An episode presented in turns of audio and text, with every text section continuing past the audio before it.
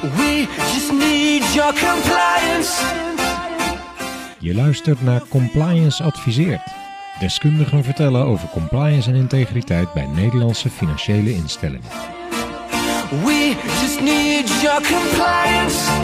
Bestel je een product of dienst via internet, dan is het je vast wel eens opgevallen dat je het geld dan doorgaans overmaakt naar een stichting derde gelden die hoort bij een betaalinstelling, zoals Adyen, Molly of Buckaroo. Wat is de rol en betekenis van zo'n stichting derde gelden? Waarom maken betaalinstellingen gebruik van een stichting derde gelden? Hoe komt je betaling bij de leverancier waar je de dienst of het product bestelde? En wat kan er fout gaan met zo'n stichting derde gelden qua integriteitsrisico's? Wie houdt de toezicht op de geldstromen die door zo'n stichting derde gelden loopt?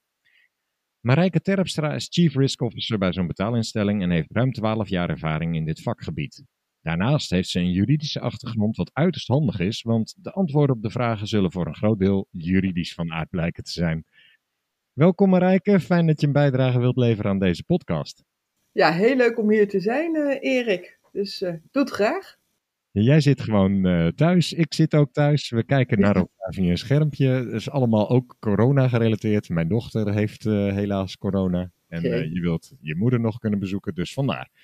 Maar um, dat mag de pret niet drukken. Voor de luisteraar, aardig om te weten. Wij leerden elkaar kennen bij betaalinstelling Buckaroo, ergens in 2014. Interim Justitia kocht in die tijd Buckaroo. Jij was daar werkzaam en ik werkte bij Buckaroo als compliance officer. Dus dat is even voor de achtergrond, voor de, voor de luisteraar ook. Um, maar hoe ziet je loopbaan er verder op hoofdlijnen uit? En, en wanneer en op welke wijze ben je in het compliance vak terechtgekomen? Oh, dat is best een lastige vraag. Want ik heb heel veel verschillende dingen gedaan. Uh, maar altijd wel binnen het financiële werkveld. Voor banken gewerkt. Uh, maar ook voor uh, financiële dienstverleners. Uh, wat je net al zei, uiteindelijk bij Interim Justitia terechtgekomen. Omdat Interim Justitia toen uh, net had gekocht en uh, een strategische financiële instelling wilde kopen. En eigenlijk vanuit Buckaroo ben ik steeds meer vanuit de, het liquiditeitsmanagement overgegaan naar compliance. Dus ik heb het vak eigenlijk met uh, vallen en opstaan uh, moeten leren. De eerste periode van het compliance was het ook veel studeren, want ik dacht, oh wat staat er ook alweer in de WFT en de WWFT? dus het is een beetje een toeval. Uh, maar wel een hele leuke toevalligheid. En het allerleukste van het compliance vak vind ik eigenlijk dat het nooit klaar is. Je bent nooit klaar. Het verandert altijd. Uh, of de wetgeving verandert, of de regelgeving vanuit Europa of de DNB. Maar ook um, de omstandigheden in de wereld hebben altijd invloed op je compliance vak. We hebben natuurlijk gisteren de inval in de Oekraïne gezien door Rusland. Dat betekent dat je met, als een compliance afdeling meteen gaat kijken, of je nou bij een bank werkt, of bij een betaalinstelling, of bij een verzekeraar, wat betekent dit nou voor mijn organisatie? En dat ja. vind ik het leuke aan het compliance vak. Je bent dienstverlenend aan de business en je moet gewoon alles in de gaten houden. Dus ja, ik, ik had eigenlijk de hoop binnenkort te kunnen stoppen met deze podcast, dat ik alles behandeld had. Maar ik begrijp nee. dat ik door moet gaan. Ja, okay. Je moet gewoon nog een paar jaar doorgaan, want er is altijd wat te vertellen over compliance. Mooi. Um, waar ligt precies jouw expertise op het gebied van Stichting Derde Gelden? Uh, nou, Stichting Derde Gelden is natuurlijk een vast onderdeel van een betaalinstelling. Uh, ik ben uh, ook nu, en ik was ook altijd bestuurder van de Stichting Derde Gelden. Dat betekent dat je als bestuurder een bepaalde verantwoordelijkheid hebt om te kijken wat er in de stichting gebeurt. Dus ik ken het vanuit een bestuursperspectief. Maar ik ken het natuurlijk ook vanuit een compliance operationeel perspectief, omdat de stichting altijd gelieerd is aan de betaalinstelling. Hm, Oké, nou we gaan het dus hebben over dat fenomeen Stichting Derde Gelden. En waar komt dat fenomeen in het algemeen nou eigenlijk precies vandaan? Kun je daar iets meer over vertellen? Ja, ik heb eens even gekeken of ik kon vinden hoe lang de Stichting Derde Gelden al bestaan. Ik kon het niet vinden. Dat betekent meestal dat ze al heel lang bestaan. Ja. Uh, het is een, uh, een, fenomeen wat heel typisch Nederlands is en wat gebruikt wordt. Uh, niet alleen bij betaalinstellingen, maar bijvoorbeeld ook bij gerechtsdeurwaarders, incassobureaus, notarissen, advocaten. Ehm, het is een fenomeen die in Nederland heel regelmatig wordt gebruikt om gelden te stallen die je niet voor jezelf onder je hebt. Uh, betaalinstellingen, uh, nou, daar komen we zo meteen misschien nog wat, wat specifieker op, hè, die incasseren of collecteren betalingen voor de merchants. En dat geld moet even ergens veilig gestald worden voordat het wordt doorbetaald aan de merchant. En daar wordt de Stichting Derde Gelden voor gebruikt. Maar ook als je bijvoorbeeld een huis koopt en je moet uh, je, je, huis betalen, dan maak je het geld over naar de notaris. Dat, ja, dat kan je is niet voor de notaris. Dat is niet voor de notaris. Dat zou heel fijn zijn. Uh, en, maar ja, goed, het huis wordt ook niet geleverd voordat jij betaald hebt. Dan wordt de Stichting Derde Gelden gebruikt om het geld even veilig te stellen totdat uh, de overdracht van het huis heeft plaatsgevonden. Dus de betaalinstelling is een soort notaris. Als je kijkt naar de financiële stromen, zou je het zo kunnen stellen. We hebben geld onder ons wat niet voor ons is. Ja. Ja, en dat wil dus ook zeggen dat een betaalinstelling geen gebruik van dat geld mag maken voor uh, de eigen. Uh, nee, dat klopt. Nee, ja. nee, dat is nou echt juist het specifieke doel van een stichting Derde Gelden. Is om de vermogens echt te scheiden. Dus het vermogen van de BV, hè, want uiteindelijk wordt een betaalinstelling maakt ook winst en heeft een eigen vermogen. En moet zijn personeel betalen en de huur en de koffie en de thee. Uh, daarvoor verdient hij natuurlijk geld. Dat moet hij betalen van zijn eigen vermogen. Maar hij mag dat nooit doen van het geld wat hij onder zich heeft, wat niet van hem is, maar voor de merchants is. Dus er is een duidelijke scheiding tussen de stichting en de BV. Het is wel vaak zo dat er een contract is tussen de BV en de stichting. Oftewel dat de uh, BV garant staat voor eventuele verliezen vanuit de stichting. Dat moet ook, want de merchant moet altijd zijn of haar geld krijgen. Oké, okay, daar, daar zit een soort garantie op voor de merchant. Ja, er zit een soort protocol tussen. Ja, ja. Um, waarom wordt het geld eigenlijk niet direct op de rekening van de leverancier? Ik, ik betaal iets online uh, voor een dienst of een product. Waarom gaat dat geld eigenlijk niet rechtstreeks naar die leverancier die mij dat product of dienst levert? Waarom moet daar een, er een geldenrekening tussen zitten? Nou ja, de vraag is eigenlijk waarom gebruikt eigenlijk een, uh, een merchant dan een PSP? In hmm. principe kan jij natuurlijk gewoon uh, de winkel bellen en zeggen, nou ik wil graag dit product en ik, ik schrijf het even over. Ik maak een, een overboeking en uh, dat mag, daar is uh, niks op tegen. Maar met name in de e-commerce vindt een merchant het heel prettig als hij een breed scala van betaalmethodes kan aanbieden. Oftewel, de klant kan kiezen of hij met Ideal betaalt of met een creditcard. Vaak is de uh, e-commerce shop uh, niet alleen in Nederland, maar bijvoorbeeld ook in België of in Duitsland actief.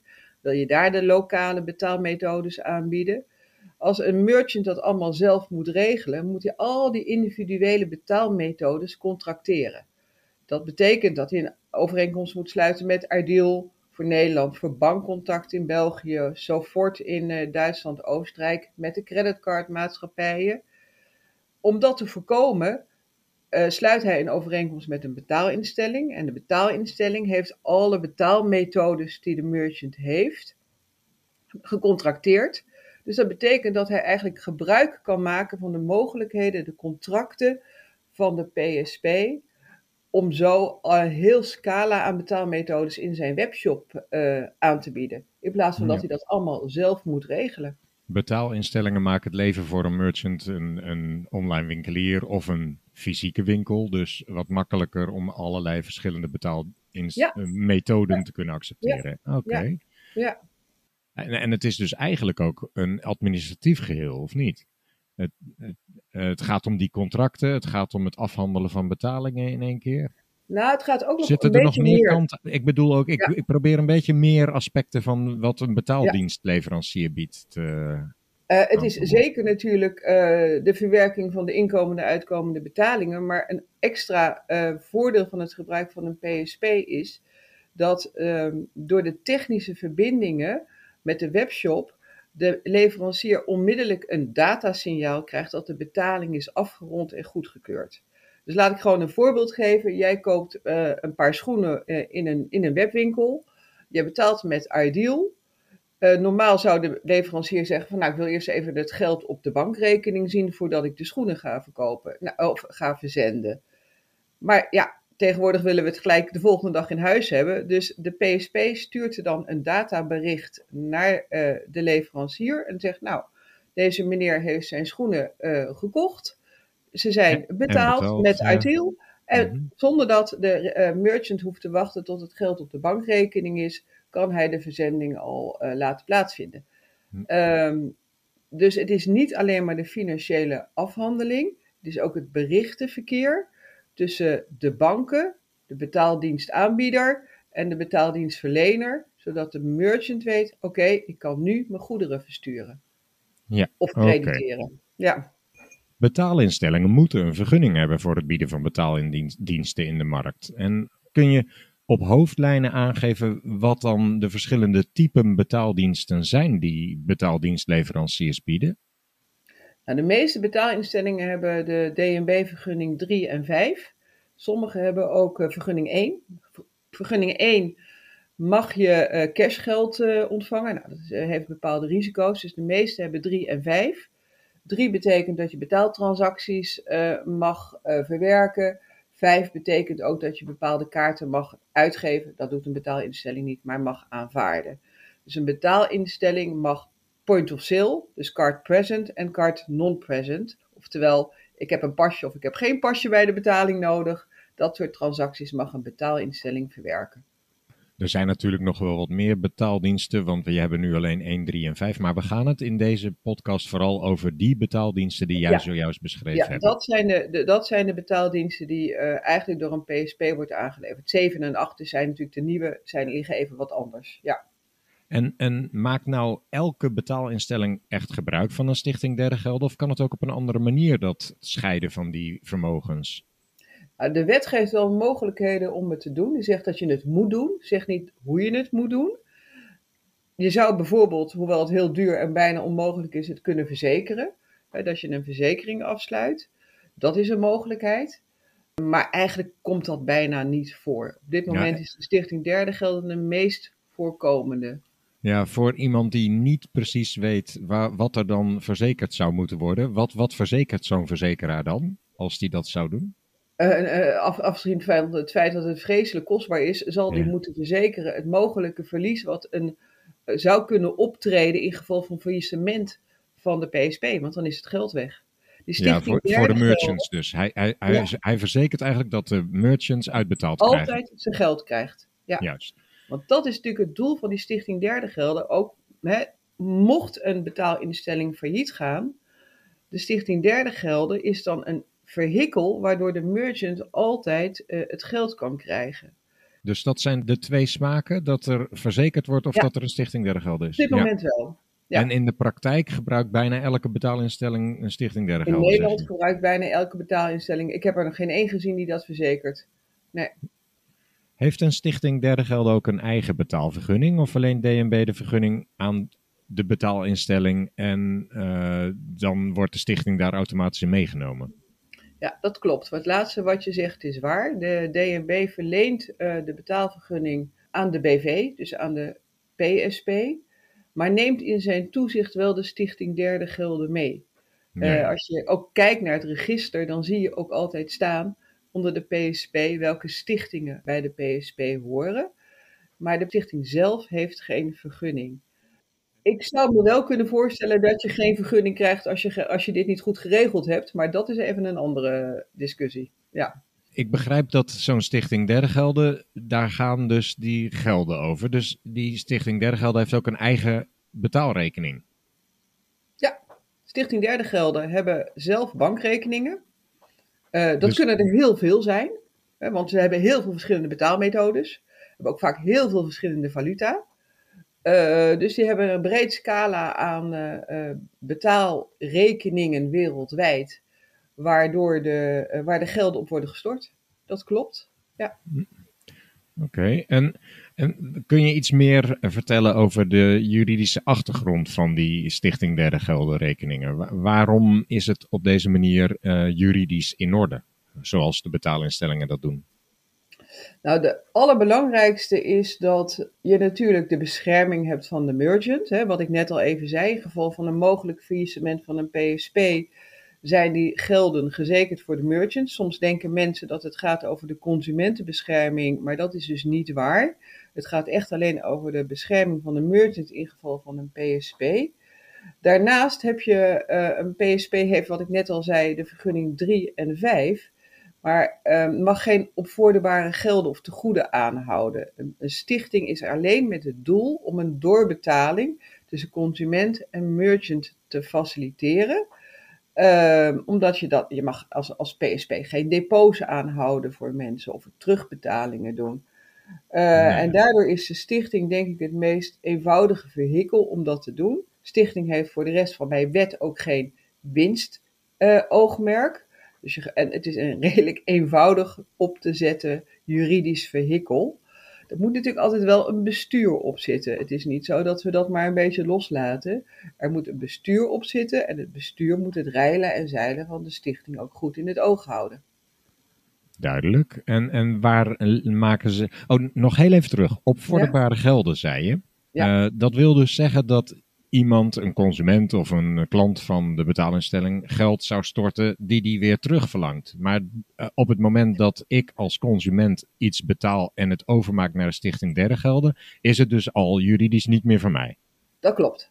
En van wie is het Eh, dan wel? Is het dan van de betaalinstelling of van de stichting? Of van... Nee, het, is, het is van de merchant. eh, en de, de stichting is eigenlijk even de bewaarder van de gelden.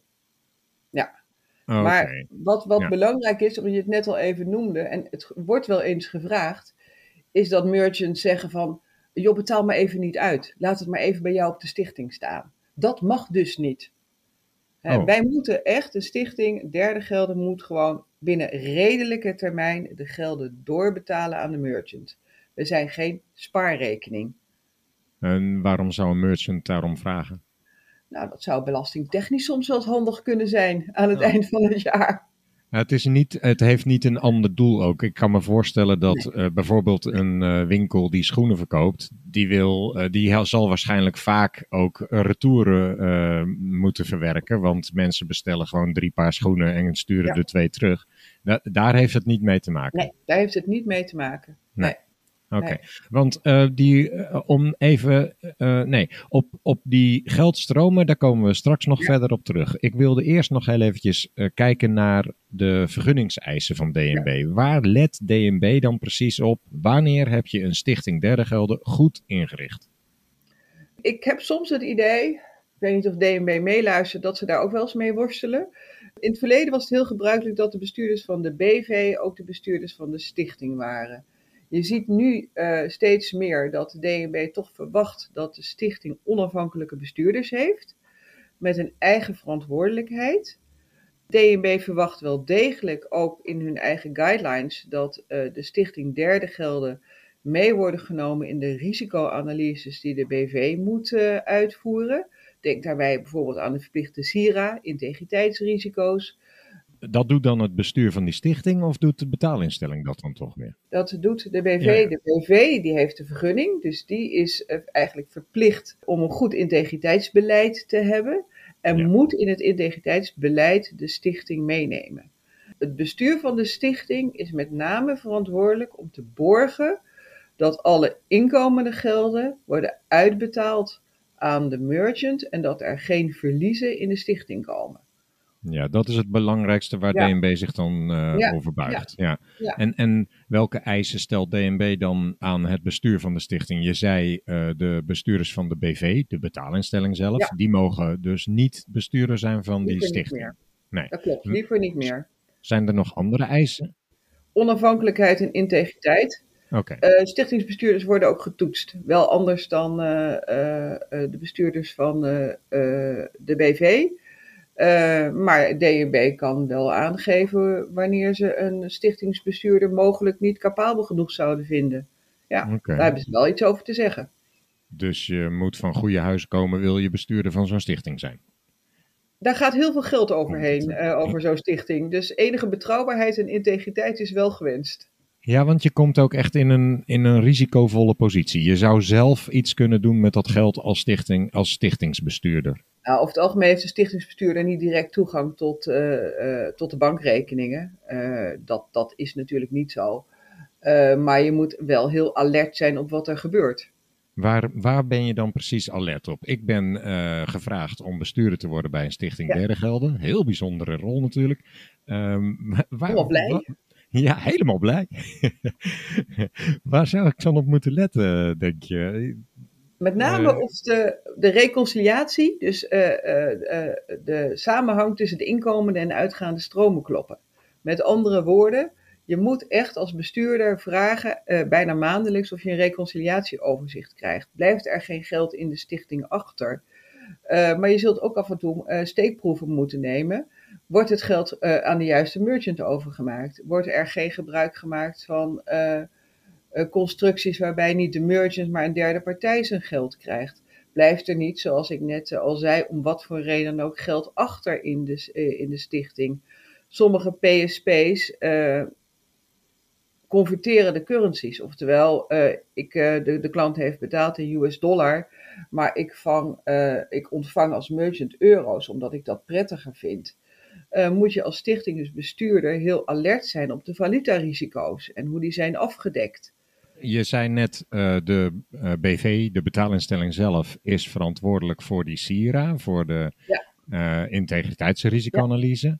Zijn ze dan niet zelf ook verantwoordelijk voor, de, voor dit soort risico's? Waar, hoe ligt de taakverdeling tussen het bestuur van de BV en het bestuur van de stichting dan?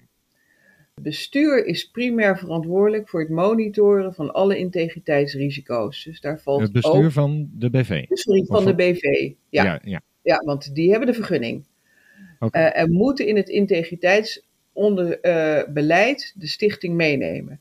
Het stichtingsbestuur heeft een zelfstandige verantwoordelijkheid eh, om te kijken of binnen de stichting voldaan wordt aan wat de statuten van de stichting vaststelt. Namelijk wordt er een adequaat beleid eh, ehm, gehanteerd om te zorgen dat eh, daar geen mogelijke misstanden kunnen plaatsvinden. ja, dus ze hebben echt een controlerende rol eigenlijk. Ja, ja, Ja. op basis van de stichtingsstatuten. Zou je als bestuurder zelf ook invloed willen hebben op die SIRA? Stel nou dat de BV zegt, nou, wij zien deze risico's niet, maar jij ziet ze wel. Ga je je dan als bestuurder eh, toch bemoeien met die SIRA? Als de SIRA op een goede manier wordt eh, vastgesteld, wordt altijd het bestuur van de stichting meegenomen in de interviews die je houdt voor de SIRA. Oké. Ja, dus daar heeft de bestuurder ook nog wel Er een zit wel belangrijke degelijk een rol. link. Ja. Hoe zit het met de persoonlijke aansprakelijkheid van bestuurders? Eh, kunnen ze gestraft worden als er toch iets misgaat, ondanks dat zij daar zo goed aan het controleren zijn? Nou ja, de bestuurlijke aansprakelijkheid in Nederland ligt vrij, vrij goed vastgelegd. Dat heeft een hele hoge eh, lat. Betekent wel dat je willens en wetens ongeveer foute dingen hebt moeten doen. En anders val je gewoon onder de bestuurlijke aansprakelijkheid. En de bestuurlijke aansprakelijkheidsverzekering die voor jou is afgesloten bij de BV. Wel handig, mocht je gevraagd worden, Erik. Vraag wel altijd even of ze een verzekering hebben. Ja. en dat is geen eh, glasverzekering, maar een Nee, bestuurdersaansprakelijkheids. Oké, ja. Absoluut, ja. Ja. ja. En welke rol heeft de compliance professional volgens jou in dit geheel? Want het lijkt me dat die in dienst is ook van de BV. BV. Heeft de compliance professional toch een rol in het bestuur van die stichting ook? Nou, hij, heeft niet misschien, hij kan natuurlijk een rol hebben in het bestuur van de stichting zelf. Meestal is het wel zo dat eh, de compliance officer bij de vergaderingen van de stichting zit. Ehm, wat we net al even aangaven, het is meestal compliance samen met de eerste lijn die de SIRA maakt. Maar ehm, de compliance officer heeft natuurlijk een overal rol in het bewaken van de integriteitsrisico's vanuit de tweede lijn. Hè, als we het hebben over witwassen, eh, transacties, fraude, interne, externe fraude. En daarmee dus indirect ook zicht op wat er gebeurt in de stichting. Want daar vinden de geldstromen plaats. Mhm. Ja. En dus zit die compliance professional die rapporteert eigenlijk vanuit de BV aan de stichting dan? Ja. Begrijp ik dat goed? Ja. Ja. Dat klopt. Is adviseur, ja. Er stromen dus grote hoeveelheden geld over die rekeningen, zei je net. En juridisch gezien is dat geld van de, merchant. merchant al. Ja. Ja. En het wordt beheerd. Oké, Ja. dat even kort samengevat. Maar hoe weten betaalinstellingen welke klanten recht hebben over, over welke tegoed dan? Wordt dat simpelweg in een boekhoudingje bijgehouden? Of Ja, houden we, houden we allemaal handmatig bij. Ja. Nee hoor, even opschrijven? Ja. even kijken welke ideal transactie. Nee, ik had het er net al even over dat naast het verwerken van de betalingen eh, de PSP ook het berichtenverkeer eh, verwerkt. Elke betaling krijgt een uniek kenmerk. Uh, en dat wordt meegegeven in het berichtenverkeer. Dat krijgen wij ook weer terug als we de betaling ontvangen, zodat we altijd weten welke inkomende betaling bedoeld is voor welke merchant. Als we dat niet zouden weten, dan zou het een hele grote pijnhoop worden. Dus uh, dat is echt met name de functie van de PSP, is dat je collecteert vanuit de verschillende betaalmethodes en dat kan toewijzen aan de merchant. De merchant ontvangt dan één keer een bulkuitbetaling, afhankelijk van uh, wat de merchant wil in euro's of in verschillende currencies. En ontvangt dan een rapportage vanuit de PSP, waaruit blijkt welke facturen met welke betaalmethodes zijn voldaan. Dus we hebben wel degelijk, naast alleen maar het verwerken van de betaling, de administratieve functie waar je net al eventjes op keek, van hoe help je de merchant om zijn eigen reconciliatie goed te helpen. Maar wij hebben het zelf ook nodig, anders weten we echt niet meer voor welke merchant nou deze uh, is uh, bedoeld. Ja, dus uit die datastroom zou ja. ik als buitenstaander wel kunnen begrijpen welke inkomende betalingen naar de Stichting Derde Gelden bij welke merchant horen. En, en of het logisch is dat er dan een grote bulkbetaling uitgaat. Want ja. nee, laten we even inzoomen op dat betaalverkeer. Alleen die betaalstroom, zonder de data even. We gaan ervan uit dat dat goed vast ligt wie welk geld te goed heeft. Ja. Hoe ziet een normaal te verwachten betaalpatroon bij een Stichting Derde Geldenrekening eruit? We hadden het net al even over dat Stichting Derde Gelden heeft natuurlijk zelf allerlei verschillende uh, uh, bankrekeningen. De, nou, laten we een, een, Mastercard als voorbeeld nemen. Als jij betaald hebt met je Mastercard, dan, dan betaalt Mastercard, een beetje afhankelijk van de afspraken, dagelijks of wekelijks in één keer alle tegoeden uit. Dus uh, de stichting ontvangt een bulkbetaling van Mastercard. Die ontvangt niet elke individuele transactie, maar ontvangt één keer een, een uh, betaling van Mastercard. Dat wordt gestald op de stichting derde gelden. En uh, afhankelijk van de betaalmethode en het risicoprofiel van de betaalmethode betaalt de stichting door aan de merchant.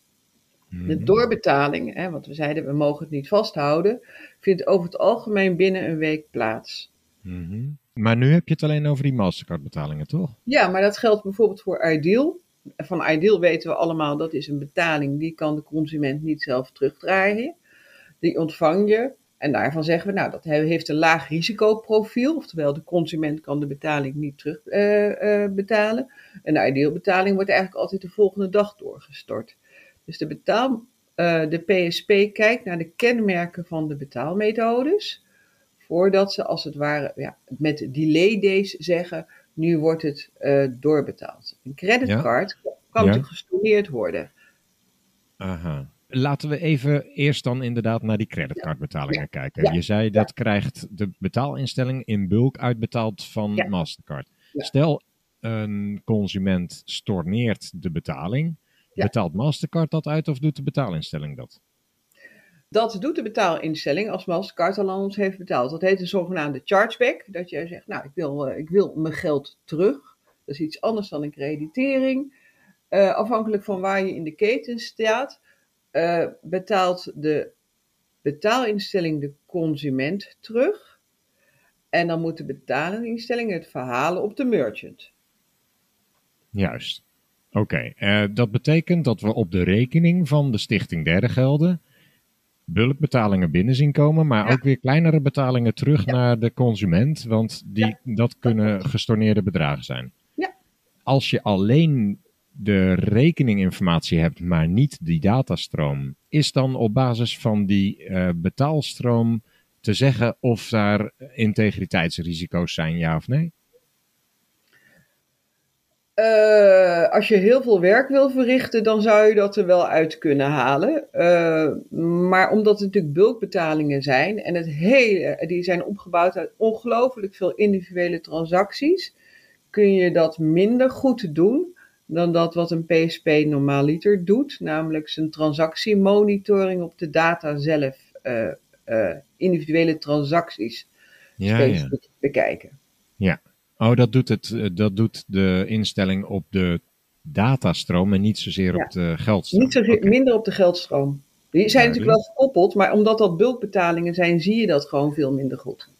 Nou hebben we al besproken de betaalstroom met die creditcardmaatschappij. eh, en je wilde het ook nog hebben over die ideal betalingen. Komen die ook in bulk binnen op de Die komen Stichting ook in bulk, die komen gewoon in bulk eh, binnen Van welke organisatie dan?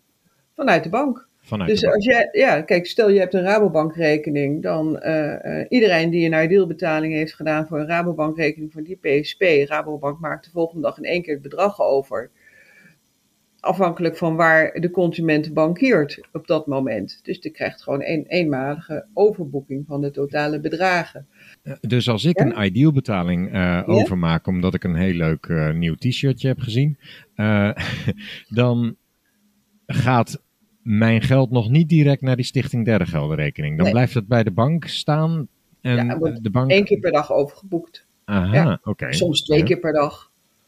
Dus het kan niet zo zijn, want anders krijg je allemaal individuele transacties. Dus het wordt echt gecombineerd. Dus dan, En dan krijg je een bulkbetaling.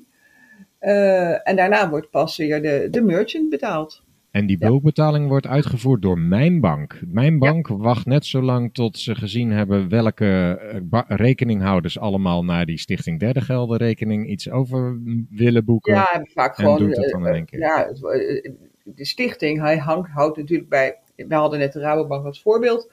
Houdt een rekening aan bij de, bij de Rabobank. Daar komt al het geld op binnen en dan maken ze het even over. Klaar. Juist. Oké. Dan hebben we een beetje een beeld, want volgens mij wat je vertelde, geldt dat voor de meeste andere betaalmethoden op deze manier ook? Of Ja. zijn er nog uitzonderingen? Nee, dat geldt eigenlijk voor alle betaalmethodes. Bulkbetalingen van de verschillende betaalmethoden komen binnen op de Stichting Derde Gelderrekeningen. Ja. Hoe ziet het uitgaande betaalverkeer van de Stichting Derde Gelderrekeningen eruit? De stichting zelf heeft vaak geen, eh, geen mensen in dienst. Dus die hebben dan in het protocol afgesproken dat de BV dat doet.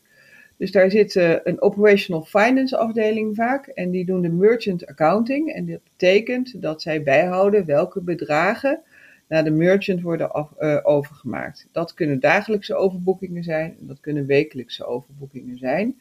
En eh, de PSP combineert dus de bedragen van alle verschillende betaalmethodes die in de webshop van de merchants zijn gebruikt en aangeboden. En maakt in één keer een betaling over naar de merchant. De eh, betaling naar de merchant gaat altijd naar de door de PSP geverifieerde bankrekening. Dus daar altijd. zit- Dus Altijd. Ja, dus alle uitbetalingen van een Stichting Derde Gelderrekening, die gaan altijd naar eh, klanten die ge-KYC'd zijn, Ja. waar we van weten, de identiteit staat vast, de integriteitsrisico's zijn gemitigeerd. Nou, het gaat altijd naar een bankrekening die gelieerd is aan de onderneming. Dus op het moment dat eh, de merchant zijn bankrekening wil wijzigen, moet hij dat doorgeven aan de PSP. Maar dat zal dus ook altijd leiden tot een nieuwe KYC van de, van de merchant. Dat zijn alle uitgaande betalingen of zijn er nog andere uitgaande betalingen ook? Nee, dat zijn in principe eh, de functie van, van, van de stichting. De inkomende betalingen collecteren en betalen aan de merchant. Ja. Daar zouden geen andere uitgaande betalingen in mogen zitten. Want dan zit je in de operationele uitbetalingen van de PSP. Ja, en die mogen niet van de stichtingrekening. Duidelijk. Dan zijn er volgens eh, banken en eh, toezichthouders en opsporters toch allerlei risico's aan Stichting Derde Gelderrekeningen. Zullen we daar eens over hebben? Wat, wat voor risico's staan er doorgaans in zo'n Sira van zo'n betaalinstelling? Ja, ik denk dat het ook wel een beetje soms is onbekend maakt onbemind. Eh, eh, voor een eh, notaris is het heel duidelijk. Hè? Dit is het huis wat gekocht is en dat gaat. Dit is natuurlijk de, het collecteren van zoveel verschillende betalingen. Het samenvoegen van al die verschillende betalingen voor één merchant die dan betaald komt.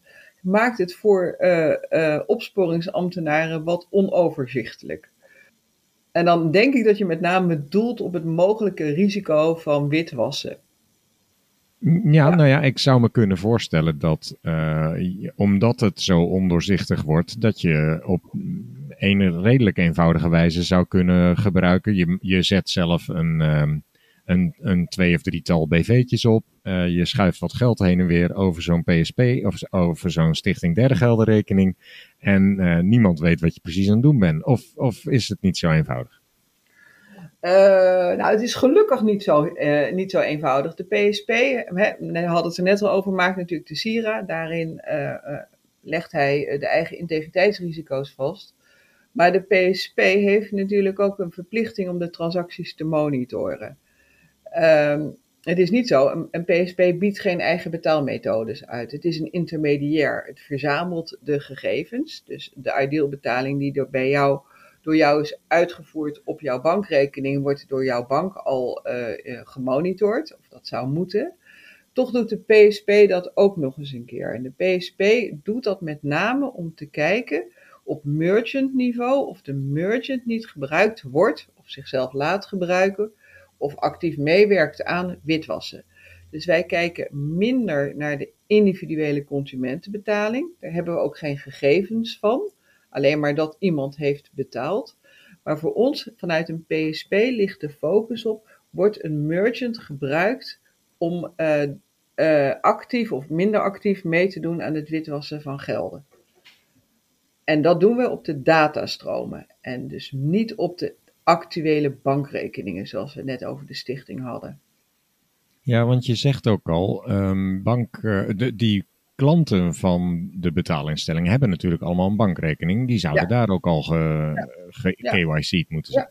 Ja. ja, ook als je een creditcard aanvraagt, moet je door een KYC-procedure heen als er toch een opsporingsverzoek ligt, hè? Je, een opspoorder of een uh, bank die ziet ongebruikelijke transacties naar een stichting derde geldenrekening lopen. Wat zou een opsporder of een bank in dat geval moeten doen, denk je?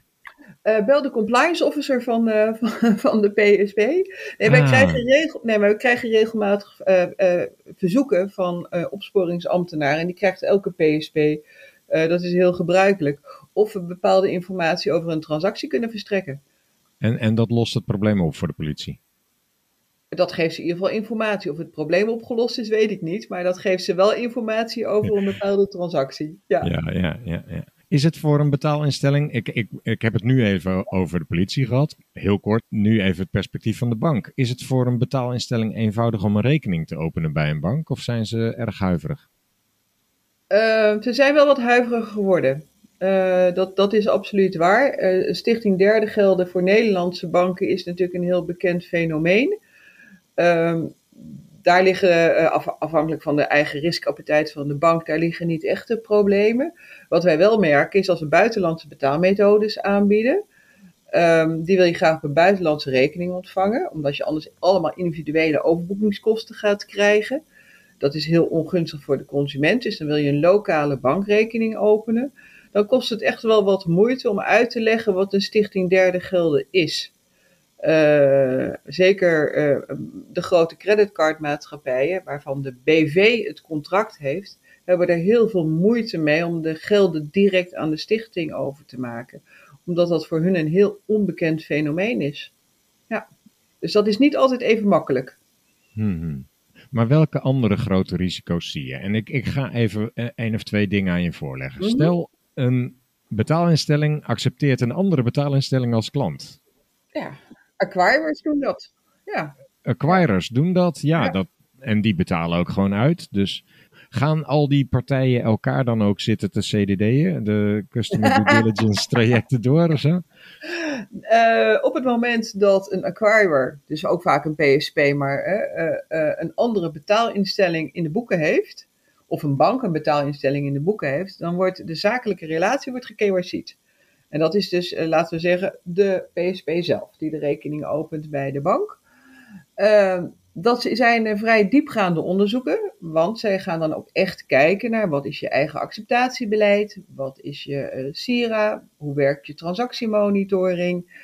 Oftewel, hoe weet jij als PSP zeker dat er je niet gebruikt wordt voor witwassen?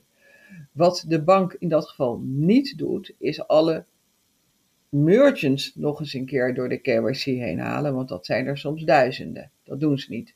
Die verantwoordelijkheid ligt bij de PSP. Daarom heeft de PSP natuurlijk ook een vergunning gekregen van DNB. Daar mag je in alle redelijkheid op vertrouwen. Dus okay. de bank doet echt wel een onderzoek naar het beleid van uh, de PSP waar die een, een rekening wil openen. Doet dat ook vaak jaarlijks uh, een jaarlijkse review. Kijkt echt naar de klanten, kijkt ook heel duidelijk, wil weten uit welke landen ontvang je de gelden, wat is je risicobeleid, hoe ziet je KYC eruit, uh, welke rapportages heb je. Dus dat zijn vrij diepgaande onderzoeken. Nou heeft een betaalinstelling altijd natuurlijk toch een beperkt beeld op wat uh, de hele betaalstroom is. Ja. Hè, want uh, je hebt geen relatie met de betalende consument bijvoorbeeld. Dus je weet niet precies altijd waar dat geld vandaan komt. Hoe mitigeert een betaalinstelling dat risico? Uh, nou, je moet inderdaad officieel natuurlijk de, oor, uh, de oorsprong uh, van de gelden helemaal weten. Nou, wij hadden het er net al even over dat een PSP over het algemeen gebruik maakt van betaalmethodes van consumenten via een bankrekening of een creditcard. Dus je mag er dan uh, in alle redelijkheid op vertrouwen dat de consument geKYC'd is door zijn of haar eigen bank. Omdat je anders geen bankrekening hebt of een uh, creditcard. Nou, liggen de standaarden soms uh, niet overal even hoog, maar dat is wel even. Vooral in het buitenland misschien. Dat is wel even het beginpunt. Ja. Um, dat betekent dus ook dat PSP's soms in hun eigen risicobeleid hebben opgenomen dat ze geen transacties uit bepaalde landen accepteren, omdat ze daar onvoldoende zicht op hebben.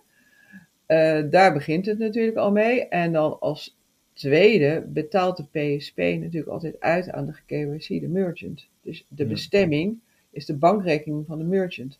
Ja. Wat de merchant daarna met het geld doet, daar heeft de PSP geen zicht op. Nee, logisch.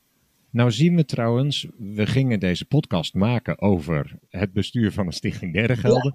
ja. Maar we hebben het over witwasrisico. En, en toch is dat logisch, hè? Want daarin speelt die bestuurder van die Stichting Derde Gelden een belangrijke rol. Of zie ik dat verkeerd? Nee, de, de bestuurder van de Stichting Derde Gelden speelt daar zeker een belangrijke rol in, want hij is gewoon de, de, de gatekeeper voor de stichting. Eh, Ja. En ehm, de bestuurder van de Stichting Derde Gelden mag dus ook van de PSP eisen en verwachten dat ze een adequate transactiemonitoring hebben. En Want anders- een KYC-beleid lijkt mij. En een KYC-beleid. Oftewel want een integriteitsbeleid, ja. Ja, stel dat, eh, hoe, hoe makkelijk zal een betaalinstelling een klant uit Malta of uit eh, Rusland accepteren? Ja, dat hangt natuurlijk erg van de risicobereidheid van de eigen PSP af. Eh, eh, dat mogen ze zelf inderdaad besluiten. Eh, maar ze horen wel te voldoen aan de wettelijke verplichtingen van de KYC, de UBO, de Source of Funds en de Source of Wealth onderzoeken. Ja. Ik kan niet zeggen dat het niet mag. Dat is de risk appetite van, van de PSP zelf. We gaan wat mij betreft richting ehm, afronding van deze podcast. Maar niet voordat we hebben besproken hoe dit eigenlijk eh, in het buitenland werkt en welke toekomstverwachtingen je hebt. Ehm, eerst maar het buitenland. Wordt er in andere EU-landen ook gebruik maakt, gemaakt van eh, zo'n stichting derde gelden? Of zijn er andere wijzen waarop, eh, waarop die problematiek met het eh, geld beheren van anderen opgelost wordt? Ja, dat wordt anders opgelost. Eh, het is wel overal, in ieder geval in Europa, zeker zo dat het altijd afgescheiden moet zijn. Dus het mag nooit via de operationele rekeningen van, de, van een PSP in welk land dan ook lopen. Mhm. Het zijn altijd afgescheiden rekeningen. Wat ik net al zei, de stichting Derde Geld is toch wel een heel Nederlands fenomeen. Dus ze lossen dat op andere manieren op. Eh, en dat doen ze vaak met inzakenrekeningen of zogenaamde kwaliteitsrekeningen. Eh, die gekoppeld zijn aan de BV. En, En- en- je vroeg ja. al net van zie je ontwikkelingen. Nou, Ja. Ook in Nederland is dat wel een ontwikkeling waar men op dit moment naar aan het kijken is. Er ligt nu een nieuwe wet ter consultatie, eh, waarbij ehm, ook de PSP de mogelijkheid gaat krijgen om van die zogenaamde kwaliteitsrekeningen gebruik te maken, die gekoppeld zijn aan de BV. Ik kreeg al van iemand een mailtje die heel enthousiast riep: de stichting wordt afgeschaft. Nou, zo snel zal het nog niet gaan. De wet is er nog niet doorheen. Uh, maar dan zouden dus de PSP's kwaliteitsrekening kunnen gebruiken op naam van de BV, waardoor de stichting overbodig werd. De BV, hè, waar we het net ook even over hadden, volledig verantwoordelijk is voor alle risico's. Je hebt dan ook geen apart stichtingsbestuur meer. Uh, de kwaliteitsrekeningen makkelijker mee worden genomen in de risicoanalyses en de integriteitsonderzoeken van de BV. Soms zie je gewoon dat het vergeten wordt bij kleinere PSP's. Ehm, en het voor de klant ook veel duidelijker is, want ze zien niet op een rekeningafschrift opeens een hele vreemde stichting derde gelden staan. Ja, is, dit Dus niet een heel vreemd, is dit niet een heel vreemd wetsvoorstel om dan eh, de stichting af te schaffen, terwijl we net een hele podcast hebben gemaakt over hoe belangrijk die rol van die bestuurder van de stichting Ja, derde we volgend jaar een, eh, een podcast maken over of de kwaliteitsrekeningen nu deze problemen daadwerkelijk heeft eh, opgelost. Eh, kijk, voor, vooralsnog is het een wetsvoorstel en de verwachting is wel dat hij er wel doorheen komt. Eh, de VBIN is ook echt wel heel positief. Hè? De, betaalver, eh, de Vereniging Verenigde Betaalinstellingen Nederland. Ja. Nederland is heel positief ook hierover, omdat het heel veel administratieve romslomp voor de, voor de PSP voorkomt. Veel duidelijker beleid is van, vanuit een integriteit, maar ook voor de consument veel duidelijker herkenbaar is. Maar wat is dan Alleen precies het kenmerk? wordt. Oh, ja, juist. Dat is Ja. nog niet duidelijk, ja. Nee. ja. Nee. Ehm, maar wat is dan precies het kenmerk van zo'n kwaliteitsrekening? Eh, is dat een rekening waar je eh, als BV dan niet zomaar iets mee mag? Of Ja. hoe, hoe werkt dat?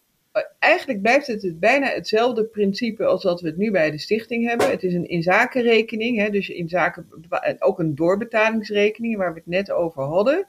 Waar echt alleen maar de inkomende consumentengelden tijdelijk worden gestald om de uitbetaling aan de merchant eh, te faciliteren.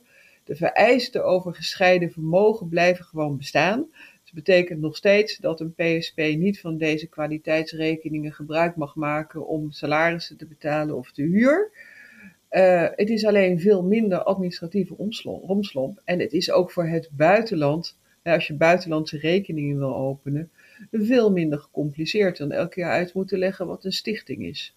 Nee, het is niet raar, eh, of het is wel verklaarbaar dat de Nederlandse bank nu nog hamert op onafhankelijkheid van bestuurders. En straks wordt het hele Stichting Derde Gelden eruit geknikkerd en eh, hebben we een kwaliteitsrekening en doet Ja, de de BV zelf. kwaliteitsrekening is een extra optie. Het is niet zo dat je dan geen gebruik meer mag maken van een stichting derde gelden. Ah, oké. Het is niet Dus- zo dat het is, het is een of-of. En wat verwacht je? Zullen de meeste betaalinstellingen dan toch nog zo'n stichting laten zitten? Of juist niet?